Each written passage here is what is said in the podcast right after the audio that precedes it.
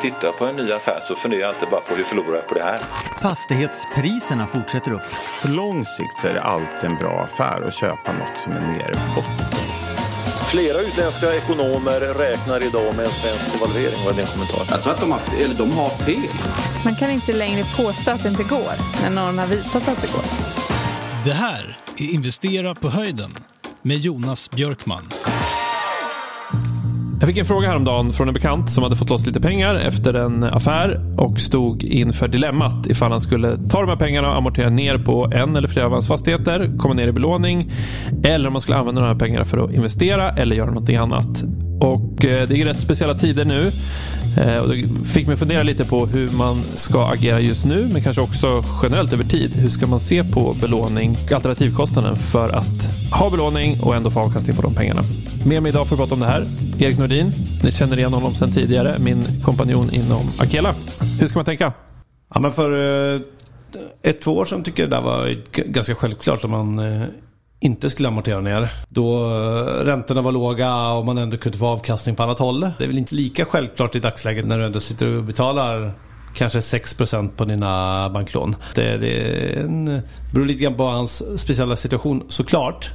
Men det man kan tänka på, som vi har pratat om tidigare många gånger också, att eh, de pengarna du väl amorterar bort till banken, de kommer du aldrig se igen. Om du väl amorterar ner ett lån så då är det väldigt svårt att, att, låna upp de pengarna på nytt i ett senare skede. Det, Den svåraste frågan, alltså det, det, svåra är ju eh, att det är ganska lätt att, att låna upp i en god marknad. Det är väl det som är problemet också. Att om du väl skulle behöva de här pengarna till någonting som händer med fastigheten, du, du åker på någon, något byte av tak eller måste göra någon stor renovering eh, och du inte har likvider och du sitter i en sån här marknad som är väldigt turbulent och väldigt få alternativ och där banken är restriktiv så är det ju väldigt svårt att, även om du har en lågbelånad fastighet, att låna upp det här och få loss de pengarna. Och det är väl ett skäl i sig att, att hålla en reservkassa som du sen kan ha investera på annat håll men det kanske är mer likvida grejer för att kunna hantera den här typen av, av situationer. Ja, men är det så lätt att låna upp sen då? Om man ser på bankernas krav så blir de ju tuffare och tuffare. I alla fall de senaste åren har det allt svårare att, att låna upp pengar. Så att det, det, är nog inte så självklart, även om det är goda tider, att låna upp för ett takbyte och så vidare. Det min känsla är att när det är lätt att låna från en bank, det är ju kanske vi själva förvärvstillfället egentligen. Eller om du gör en större refinansiering. Men att dyka upp och vill låna 200 000 till ett tak eller 100 000 för att måla en fasad och sådär. Det tycker de bara är ganska jobbigt. Så att eh, på den typen av småpengar så tror jag att det är bättre att sitta bara ha det i kassan för att kunna lösa det. Men något bankerna inte gillar så är det att bli störda av sådana här små krediter eh, där de ändå måste göra ett väldigt mycket eller ganska stort arbete för att få låna ut väldigt lite extra pengar. Och Det är också svårt att låna pengar från annat håll eftersom ofta så sitter ju banken på pantbreven på det fulla beloppet som lånat så att även om du har amorterat ner och kommit ner lite så sitter de fortfarande kvar på pantbreven och då kan du inte använda dem för att ta upp något lån någon annanstans ifrån heller. Annars kan man tänka Nej, det är inte kan... så många aktörer som är intresserade av de här smålånen i alla fall. Utan man, man vill göra lite större affärer och få en rejäl intäkt. Eh, det är liksom det svåraste typen av finansiering är på de här småsummorna som ingen egentligen orkar ta i. För det är väldigt mycket admin men ingen intjäning för någon egentligen. Jag läste en bok eh, en gång från, eh, som Petter Stordalen har skrivit. Jag vet inte om han har skrivit den själv, men den handlar om honom. Och heter Min hemlighet. Och där var det ju ett stycke som handlade om just det här. Han såg alltid till att ha en kontantreserv på om det var nu två miljarder eller någonting. För att när det blir skakiga tider så är det många långivare, banker som blir nervösa och vill alltid kunna komma och säga ah, men det är lite skakigt just nu men jag tar och amorterar en miljard på den här skulden så att ni kan vara trygga och se att man har tillgångar. Dels för att visa på att man är planerad, man har likviditet, man, är förut, man, man har förutspått att saker och ting kan hända och man är för, förberedd för det. Så det är också en styrka att kunna lugna en potentiell en, en, inte bara att kunna möta ett, ett, ökat likviditetsbehov men också kunna visa på styrka i en, en tuff situation. Och bankerna kommer också se löpande att du har, om du har pengarna på ett, bara ett konto som ligger där så kommer de ju känna komfort i att här ligger det pengar, de går ingenstans, de ligger här som en buffert för oss. Det, det tror jag att de gillar bara att, att det finns en viss eh, likviditet och en, i, i bolaget så att säga. Så att det inte alltid kassan står på noll och allting återinvesteras eller allting går, går till löpande utgifter. Och vi ska väl ärligt säga med det just nu, vi får in rätt mycket förfrågningar som handlar just om det här. Att man har inte fått någonting sålt. Man har lagt in med alla pengar kanske i ett utvecklingsprojekt. Man ligger kvar med osålda lägenheter eller vad det kan vara och får egentligen slut på pengar. Men det som spelar roll här och nu det är att du kan betala dina räntor, kan betala dina leverantörsfakturor. Så det är väldigt många som har hamnat där just nu som inte, ja, som hade svårt att förutspå kanske. Men de har heller inte haft några reserver för att kunna möta det här. Nej, och man kan nästan mötas med någon typ av misstanke om du har byggt helt med egna medel också. Utvecklare eller byggare som har byggt helt med egen kassa. Eh, och sen så lyckas de inte få det sålt eller de får inte det pris de vill ha så de eh, vill låna upp det här så länge för att betala leverantörer eller vad det kan vara.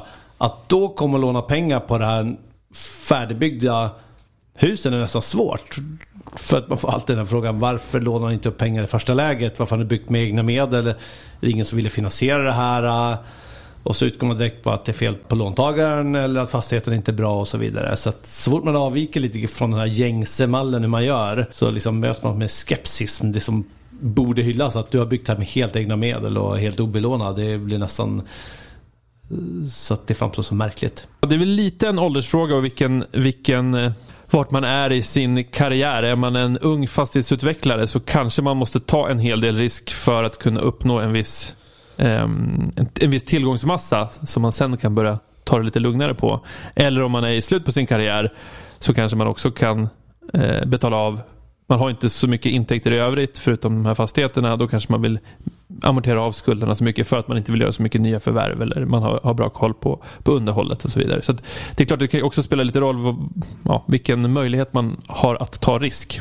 Ja, jag tror att det enklaste är bara att följa den gängse normen. Att låna upp en lagom slant när du köper. Och vad är en lagom? Ja, men du lånar upp eh, normal bankfinansiering vid förvärvstillfället. 60-70% eh, beroende på lägre objekt. Och sen så amorterar du enligt plan, alltså 2% per år. Inte kanske stretcha det där och försöka förhandla ner amorteringstakten i onödan för då blir också banken, det måste tas beslut och den enskilda handläggaren blir lite nervös och så vidare. Så att du liksom tar upp lånet rätt tid, amorterar som man ska och sen gör man inte så mycket extra amorteringar utan om du får loss pengar under tiden sen så investerar du det på något annat sätt eller köper något mer och så vidare. Snarare än att eh, tokamortera på dina befintliga skulder. Du följer bankens plan så att säga. Det brukar vara en ganska bra recept för att ställa till med så lite problem som möjligt. Den här podden görs i samarbete med Akela Realkredit där man som fastighetsägare kan belåna sin fastighet, eh, få ut kapital snabbt och enkelt från en miljon upp till 100 miljoner kronor. Gå in och ansök på www.akela.se realkredit. Är du investerare och är intresserad av att få tillgång och exponering mot här, den här typen av eh, lån? Gå in på akela.se och läs mer om hur du som professionell investerare kan vara med och investera tillsammans med oss.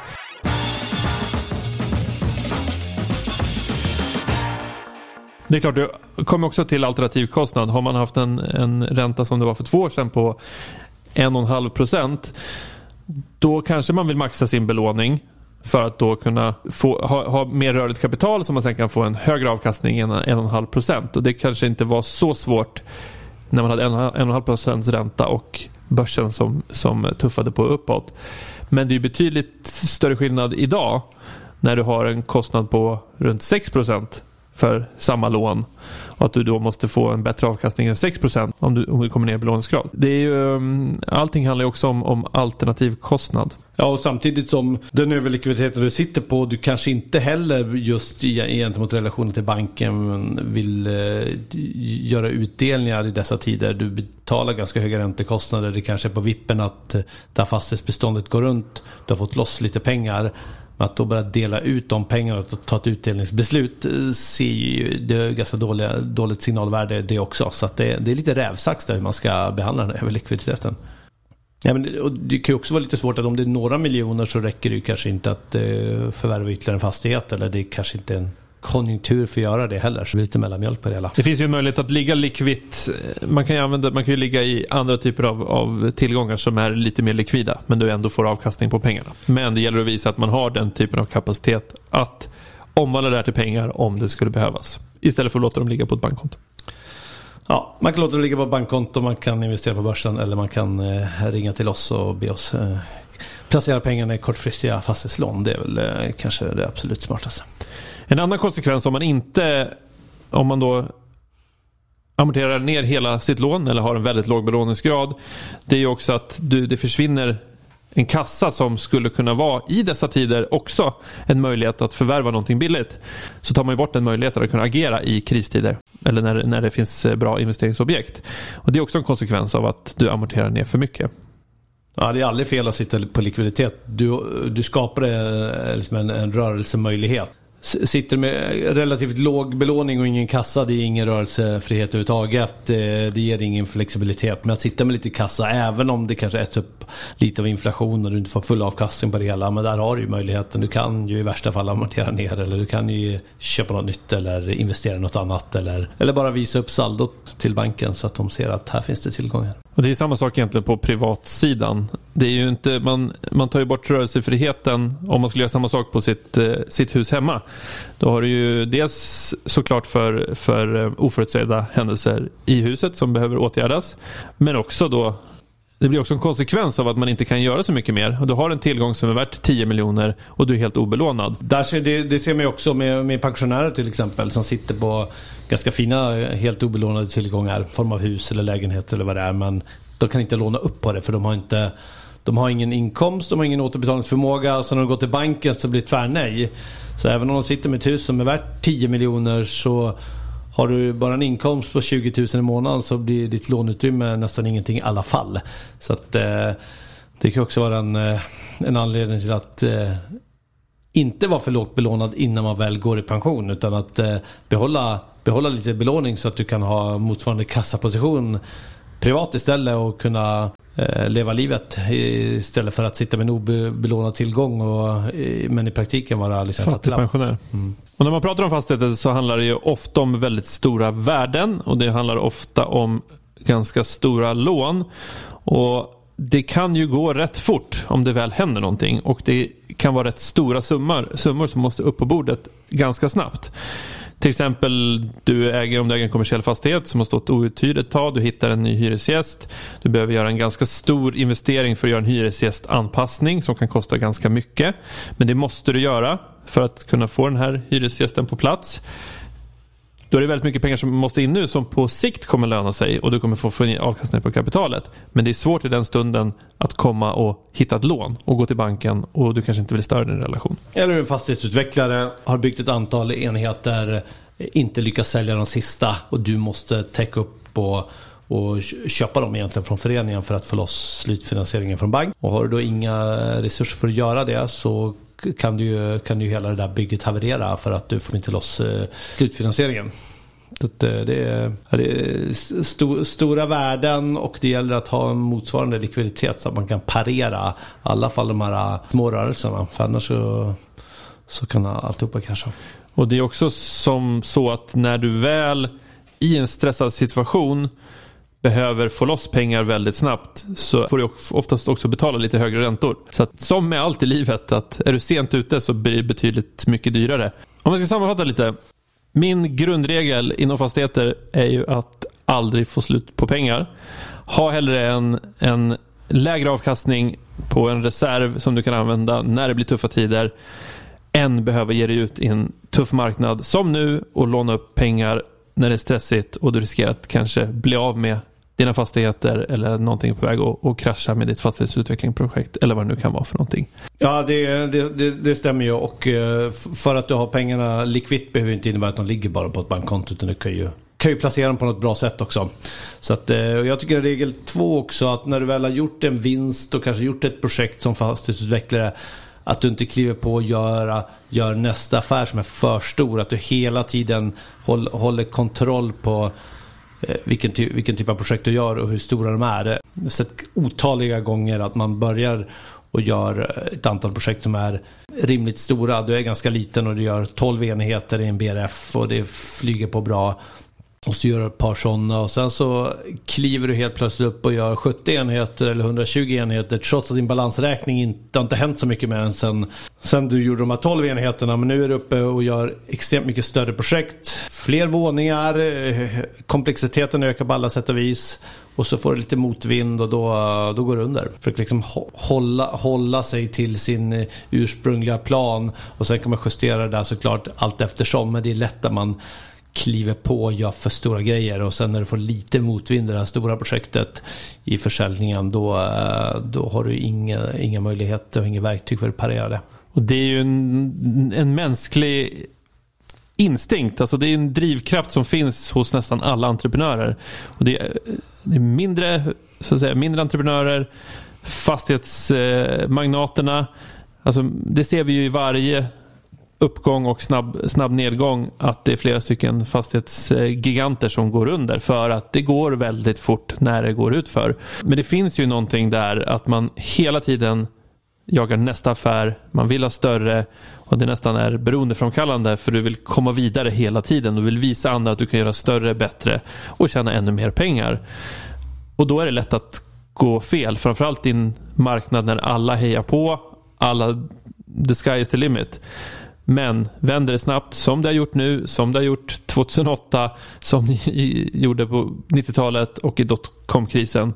Och då går man snabbt under när man inte har de reserverna som, som krävs. Problemet är också att eh, när du börjar göra de här större projekten då låser du in alla dina tidigare projektvinster. Och när det är sista projektet, när du får motvind där och det går under, då kommer du tappa alla dina tidigare vinster också.